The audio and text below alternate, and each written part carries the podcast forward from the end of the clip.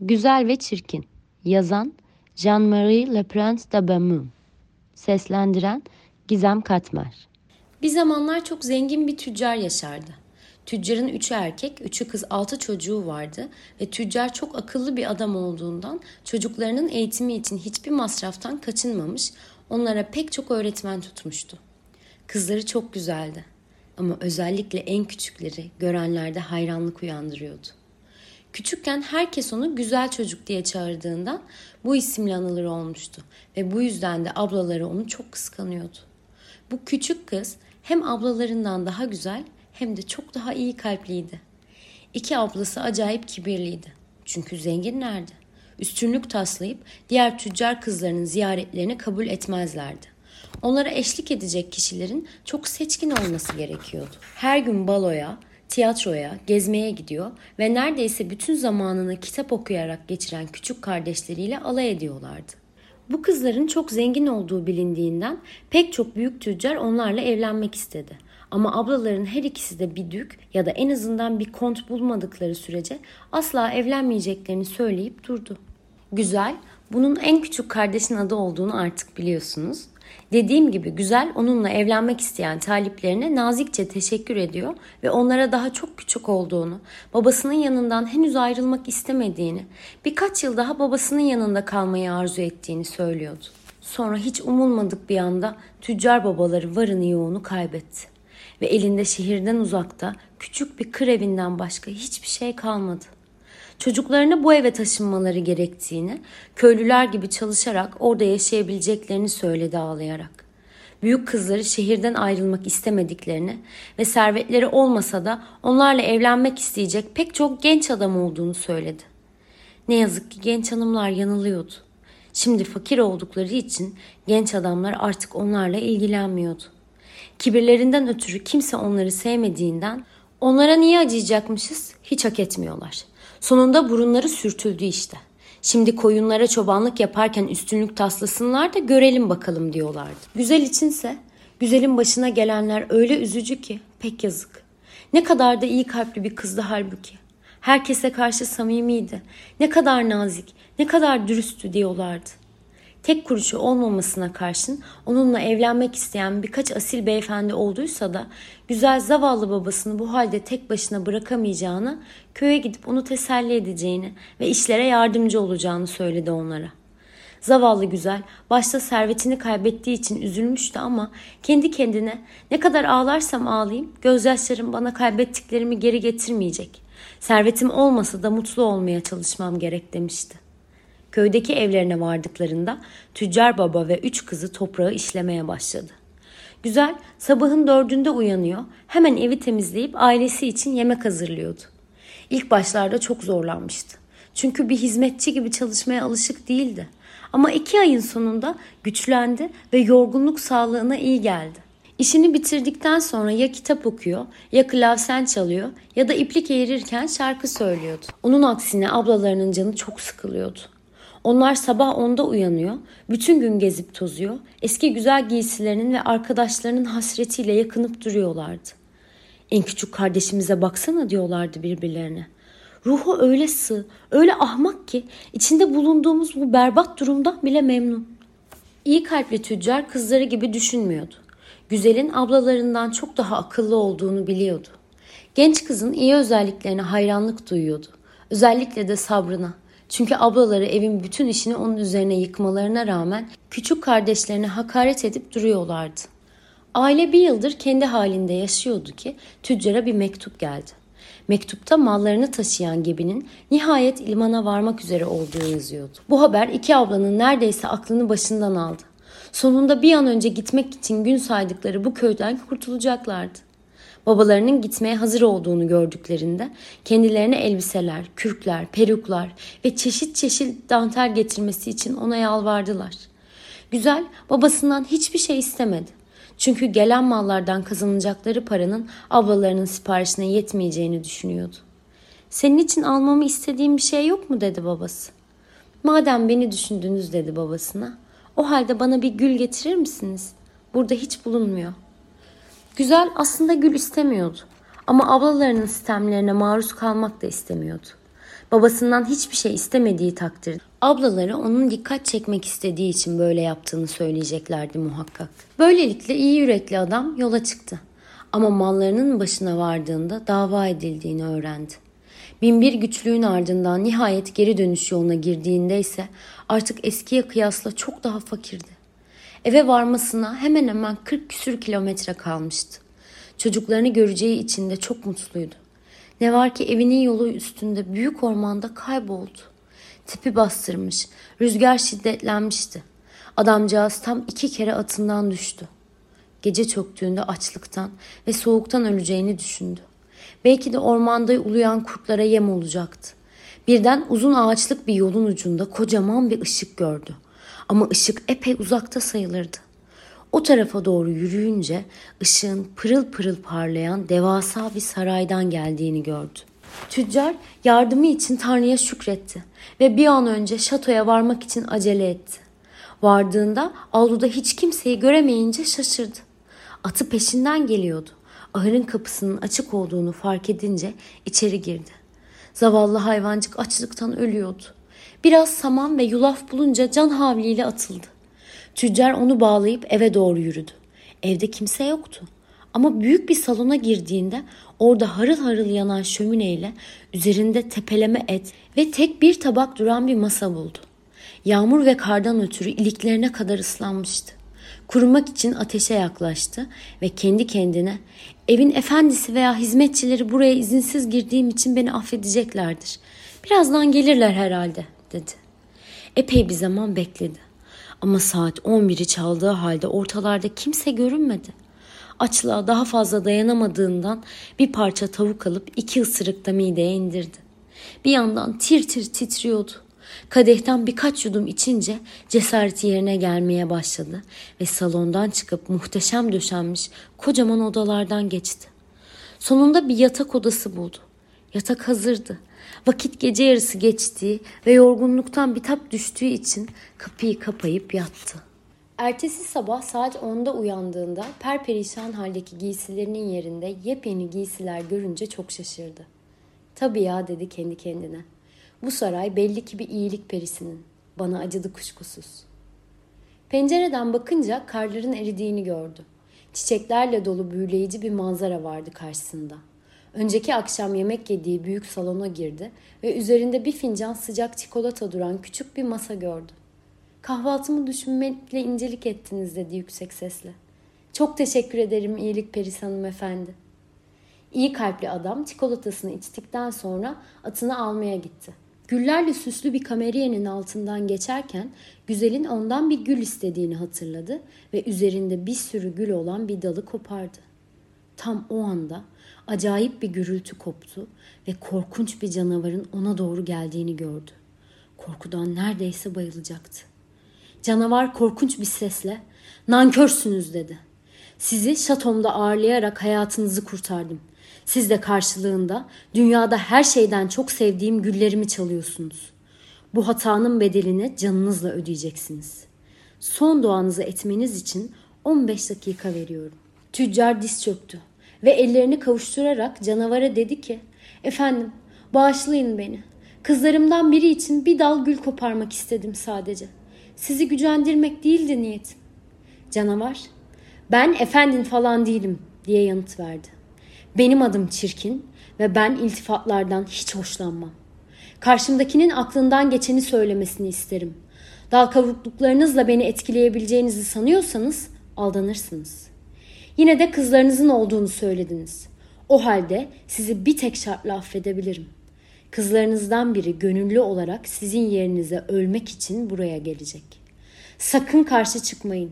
Derhal yola koyulun ve kızlarınız sizin yerinize ölmeyi kabul etmezse tam 3 ay sonra buraya geri döneceğinize yemin edin. Zavallı adamın kızlarından birini bu korkunç canavara kurban etmeye niyeti yoktu ama yine de en azından evlatlarımla son bir kez kucaklaşırım dedi. Çirkine geri döneceğine dair yemin etti. Çirkin de ona ne zaman isterse yola çıkabileceğini söyledi. Çirkin, elin boş gitmeni istemiyorum. Geceyi geçirdiğin odaya dön. Orada boş bir sandık bulacaksın. Hoşuna giden ne görürsen koy içine. Sandığı evine göndereceğim demesiyle geri çekilmesi bir oldu. İyi kalpli adam kendi kendine ölümden kaçışım yoksa şayet ben de zavallı evlatlarıma biraz ekmek bırakarak teselli ederim kendimi dedi. Uyuduğu odaya geri döndüğünde bir sürü altın buldu. Çirkinin bahsettiği koca sandığı doldurup kapadı ve ahırdan atını alıp saraya ilk geldiğinde hissettiği mutluluğa eşdeğer bir hüzünle oradan ayrıldı. Adamcağız atıyla beraber ormandaki bir yoldan ilerlemeye koyuldu. Birkaç saat sonra da küçük evine vardı. Evlatları etrafına toplandı. Sarılıp kucaklaşmalar onu mutlu edeceğine, tüccar onlara bakarak ağlamaya başladı.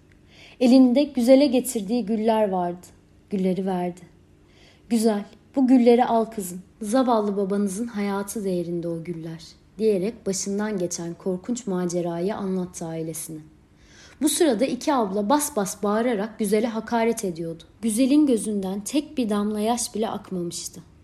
Şu küçük mahluk nasıl da kibirle baksanıza diyordu ablaları.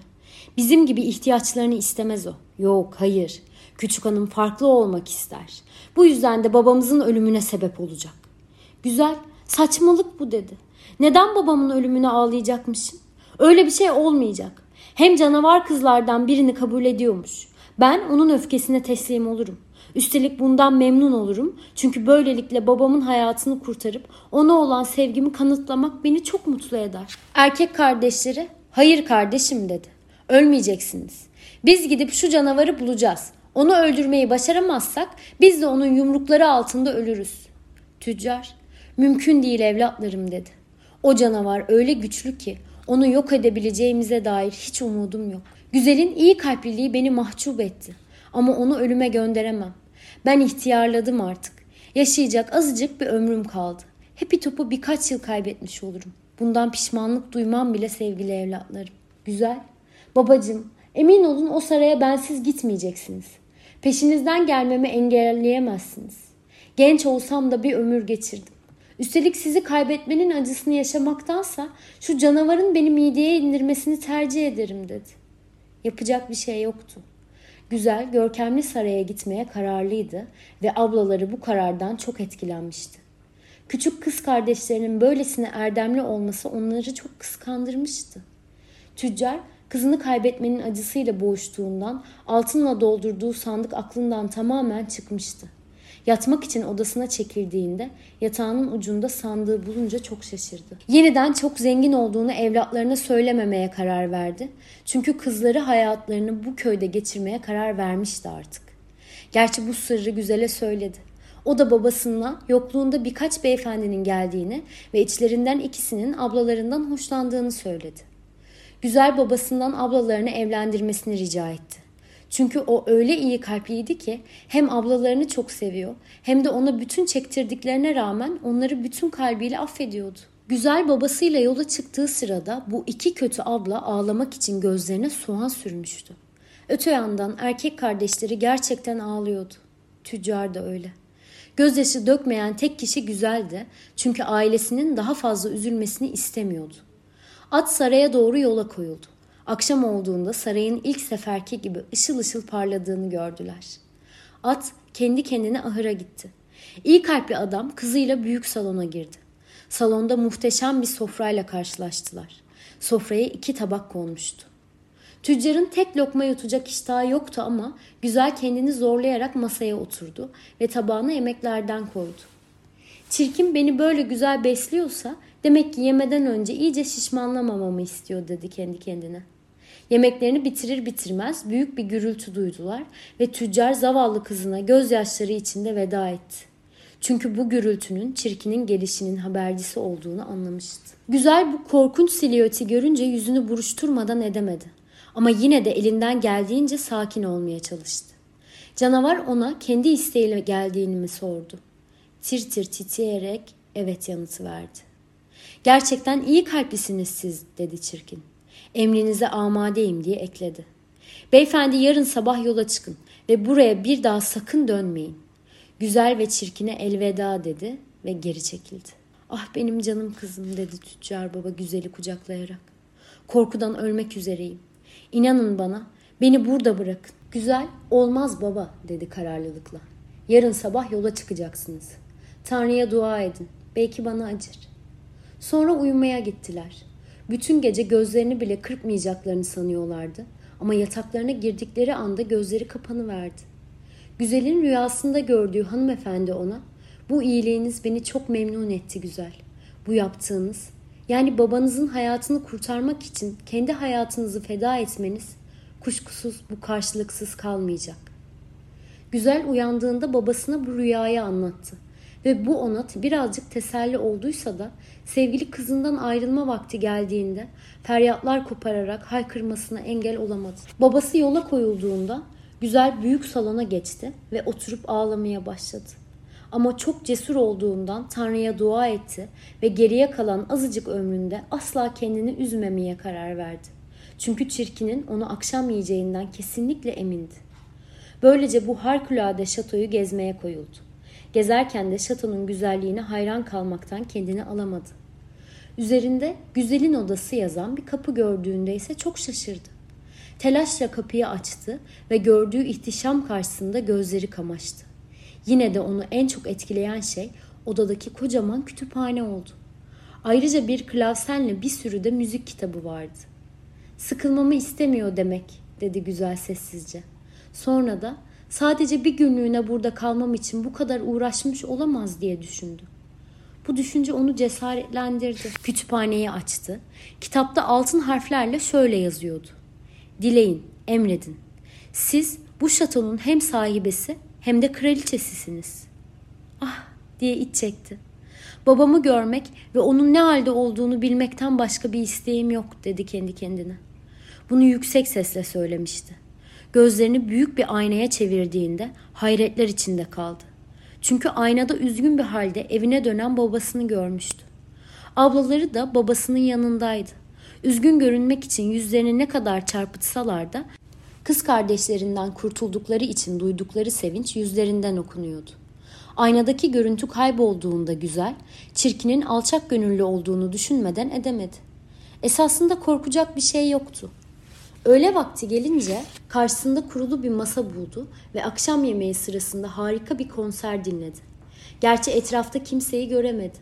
Akşam masaya oturacağı sırada çirkinin sesini duyunca korkudan titredi. Güzel dedi canavar. Yemekte size katılabilir miyim? Efendi sizsiniz. Nasıl arzu ederseniz diye yanıtladı güzel tir tir titreyerek. Hayır dedi çirkin. Buranın hanımefendisi sizsiniz. Sıkıldığınızda gitmemi söylemeniz yeterli. Hemen çekip giderim. Söyleyin hadi. Beni çok çirkin buluyorsunuz değil mi? Bu doğru dedi güzel. Çünkü ben yalan söylemeyi bilmem. Ama iyi yürekli olduğunuza inanıyorum. Haklısınız dedi canavar. Ama çirkin olduğum kadar akılsızım da. Bir canavardan başka bir şey olmadığımı biliyorum. Akıllı olmayan canavar olamaz dedi güzel. Bir aptal bunu bilemez. O halde yemeğinize devam edin güzel dedi canavar. Ve lütfen kendi evinizde canınızı sıkmayın. Çünkü bunların hepsi sizin. Üstelik memnun olmazsanız çok üzülürüm diye ekledi. Çok iyisiniz dedi güzel. Kalbinizi çok beğendiğimi itiraf etmeliyim. Aslına bakarsanız bana o kadar da çirkin görünmüyorsunuz. Ah hanımefendi diye karşılık verdi çirkin. Kalbim temiz ama ben bir canavarım. Sizden çok daha canavar olan adamlar var dedi güzel. Ayrıca sahte, yozlaşmış ve nankör bir kalbi adam suretinde saklayan birindense böyle olmanızı tercih ederim. Aklım olsaydı size teşekkür etmek için şaşalı bir iltifat ederdim. Ama size söyleyebileceğim tek şey emrinize amade olduğumdur, diye yanıtladı çirkin. Güzel, yemeğini iştahla yedi. Artık canavardan hemen hemen hiç korkmasa da çirkin ona eşim olmak ister misiniz güzel diye sorduğunda neredeyse korkudan ölecekti. Yanıt vermesi biraz zaman aldı. Canavarı reddederse onu sinirlendirmekten korkuyordu. Böylelikle titreyerek şöyle dedi. Olmaz çirkin. Zavallı canavar iç çekmek istedi ve öyle korkunç bir gürültü çıkardı ki bütün saray yankılandı. Canavar ona üzüntüyle o halde elveda güzel diyerek odadan çıktığında güzel soğukkanlılığını zar zor koruyabildi. Canavar yürürken zaman zaman güzele bakmak için arkasına bakıyordu. Güzel yalnız kaldığında o zavallı çirkine karşı müthiş bir şefkat duydu. Ah dedi. Bu kadar çirkin olması ne yazık. Halbuki ne kadar da iyi. Güzel sarayda sakin bir üç ay geçirdi. Çirkin her akşam onu ziyaret ediyor, yemek sırasında onunla nazikçe sohbet ediyordu ama aklı hep başka yerdeydi. Güzel her geçen gün canavarın yeni yeni iyi özelliklerini keşfediyordu. Onu görmeye alıştığından çirkinliğine de alışmıştı artık. Hatta canavarın ziyaret saatinin yaklaşmasından korkacağı yerde saat 9 oldu mu diye sık sık saatini kontrol eder olmuştu. Çünkü çirkin her gün aynı saatte onu ziyarete geliyordu. Güzeli üzen tek bir şey vardı. O da canavarın her gün ona eşe olup olmak istemediğini sormasıydı. Güzel ona hayır dediğinde içi parçalanıyordu besbelli. Bir gün Güzel ona dedi ki beni üzüyorsunuz çirkin. Sizinle evlenebilmeyi isterdim ama dürüstçe söyleyeyim ki bu hiçbir zaman gerçekleşmeyecek. Ben her zaman sizin arkadaşınız olacağım. Bununla avunmanız gerek. Doğruya doğru diye söze girdi çirkin. Korkunç olduğumu biliyorum ama sizi çok seviyorum. Her halükarda burada kaldığınız için çok mutluyum. Lütfen beni asla terk etmeyeceğinize söz verin. Güzel bu sözleri duyunca kızardı. Aynada babasının onu kaybettiği için üzüntüden hasta olduğunu görmüştü. Babasını tekrar görmek istiyordu. Sizi asla terk etmeyeceğime söz veririm. Ama tabii ki babamı tekrar görmeyi o kadar çok istiyorum ki bu iyiliği reddederseniz üzüntümden kahrolacağım. Sizi üzeceğime dedi canavar. Ölürüm daha iyi. Sizi babanızla göndereceğim. Orada kalabilirsiniz. Zavallı çirkininiz siz yokken burada üzüntüden ölecek.'' Hayır dedi güzel gözyaşları içinde. Ölmenizi istemeyecek kadar çok seviyorum sizi. Size söz veriyorum. Sekiz gün içinde geri geleceğim. Ablalarımın evlendiğini, kardeşlerimin orduya katıldığını gösterdiniz bana. Babam yapayalnız. Onun yanında sadece bir hafta kalacağım. Yarın sabah orada olacaksınız dedi canavar. Sözünüzü unutmayın sakın. Geri dönmek için tek yapmanız gereken uyumadan önce yüzüğünüzü masanın üstüne koymak. Elveda güzel. Çirkin bu sözleri söylerken kendine has bir şekilde iç çekti ve güzel onun kalbini kırdığı için üzüntüyle yatağa girdi. Güzel sabah uyandığında kendini babasının evinde buldu. Yatağının yanındaki zili çaldı, hizmetçinin geldiğini gördü. Hizmetçi onu görünce büyük bir çığlık attı. Çığlığı duyan babası koşup geldi ve sevgili kızını gördüğünde neredeyse mutluluktan ölecekti. Dakikalarca kucaklaştılar. Babasıyla kavuşmalarının heyecanı yatıştığında Güzel yanında giyecek tek bir kıyafet bile olmadığını düşündü. Ama hizmetçi yan odada içi altın ve elmaslarla süslü elbiselerle dolu koca bir sandık olduğunu söyledi ona. Güzel bu kadar ince düşünceli olduğu için çirkine minnet duydu. Elbiselerin en sade olanını seçti ve hizmetçiye diğerini paketlemesini, onları ablalarına hediye edeceğini söyledi. Ama bu sözleri der demez sandık ortadan kayboldu. Babası çirkinin elbiselerin hepsini onun kendisine saklamasını istediğini söyledi ve aynı anda elbiselerle sandık eski yerine geri döndü. Güzel giyindiği sırada ablaları kocalarıyla beraber eve geldi. İkisi de çok mutsuzdu. Büyük ablası çok yakışıklı bir beyefendiyle evlenmişti ama kocası kendine o kadar aşıktı ki sabahtan akşama kadar kendisinden başka hiçbir şeyle ilgilenmediğinden eşinin güzelliğini aldırış etmiyordu. İkincisi ise çok zeki bir adamla evlenmişti ama adam zekasını eşinden başlayarak herkesi çıldırtmaktan başka hiçbir şey için kullanmıyordu. Güzel'in ablaları onu bir prenses gibi güzel ve şık gördüklerinde neredeyse üzüntüden öleceklerdi. Ablalarına ne kadar sevgi gösterdiyse de kıskançlıkları geçmiyordu. Üstüne üstlük onlara ne kadar mutlu olduğunu da anlatınca ablaları kıskançlıktan çatladı. Bu iki kıskanç katıla katıla ağlamak için bahçeye indiklerinde o küçük mahluk nasıl olur da bizden daha mutlu olabilir? Bizim onun kadar sevilecek yanımız yok mu? dediler. Büyük olanı Kardeşim aklıma bir fikir geldi dedi. Onun burada sekiz günden daha fazla kalmasını sağlayalım. Aptal çirkin de ondan haber alamayınca öfkesinden kudursun. Hem belki böylece onu mideye indirir. Haklısınız kardeşim diye yanıt verdi öteki. Bunun için ona çok ilgi göstermemiz gerek. Karar verdiklerinde eve geri dönüp kardeşlerine öyle çok ilgi gösterdiler ki güzel sevinçten ağladı. Sekiz gün geçince iki ablası onun gidişine üzülmüş gibi saçlarını başlarını yolmaya koyulunca güzel bir sekiz gün daha orada kalmaya söz verdi. Bir yandan güzel zavallı çirkinine verdiği acıdan ötürü pişmanlık duyuyordu. Onu bütün kalbiyle seviyordu ve onu görememek canını sıkıyordu. Babasının evinde geçirdiği 10. gün rüyasında onu sarayın bahçesindeydi. Çirkin otların üzerinde yatıyordu. Ölmek üzereydi. Nankörlüğü yüzünden ona sitem ediyordu. Güzel sıçrayarak uyandı ve gözyaşlarına boğuldu. Ne kadar hainim dedi kendi kendine. Bana o kadar sevgi gösteren çirkine nasıl bu kadar kötü davrandım? O kadar çirkin ve kıt akıllı olması onun suçu mu? O iyi biri. Gerisinin önemi yok. Neden onunla evlenmek istemedim? Ablalarımın kocalarıyla olduğundan çok daha mutlu olurduk birlikte. Bir kadını mutlu edecek olan şey ne bir kocanın yakışıklılığı ne de zekasıdır. Önemli olan kişinin iyi huylu, erdemli ve hoşgörülü olmasıdır. Çirkin bütün bu iyi özelliklere sahipti. Ona karşı hissettiğim aşk değil ama ona saygı ve minnet duyuyorum. Arkadaşça duygular besliyorum. O halde onu üzmeyeyim. Bu nankörlüğümden ömür boyu pişmanlık duyacağım.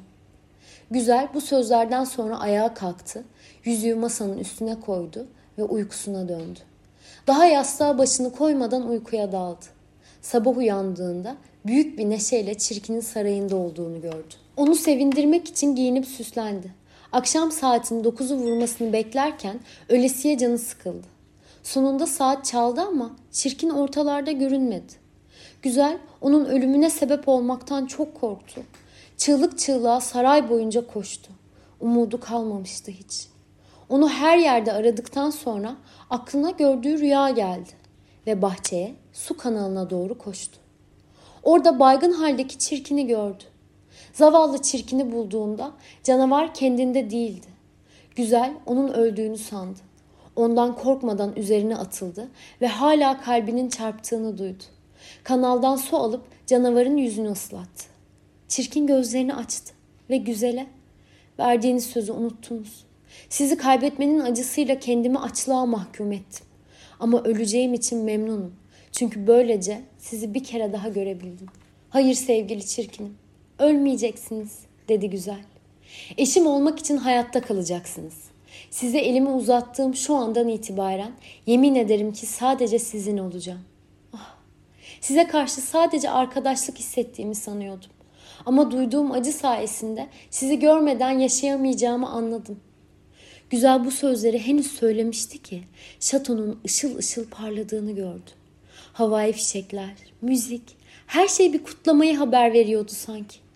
Ama bütün bu güzellikler onun gözünü görmedi. Sevgili çirkinine döndü.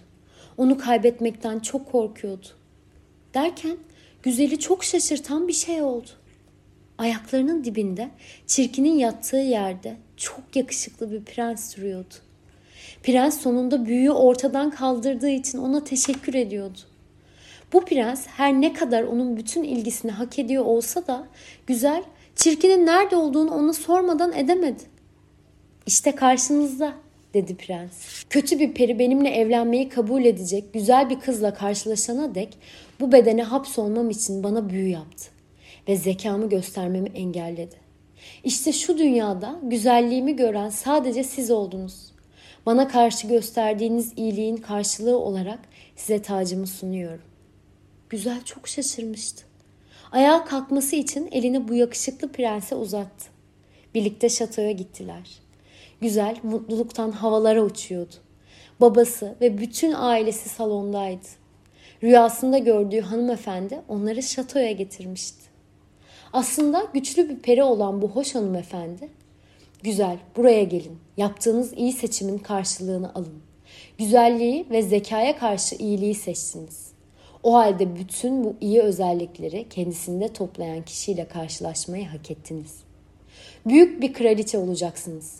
Umarım taht iyi huylarınızı elinizden almaz dedi. Sizlere gelecek olursak hanımlar diye devam etti peri güzelin iki ablasına dönerek.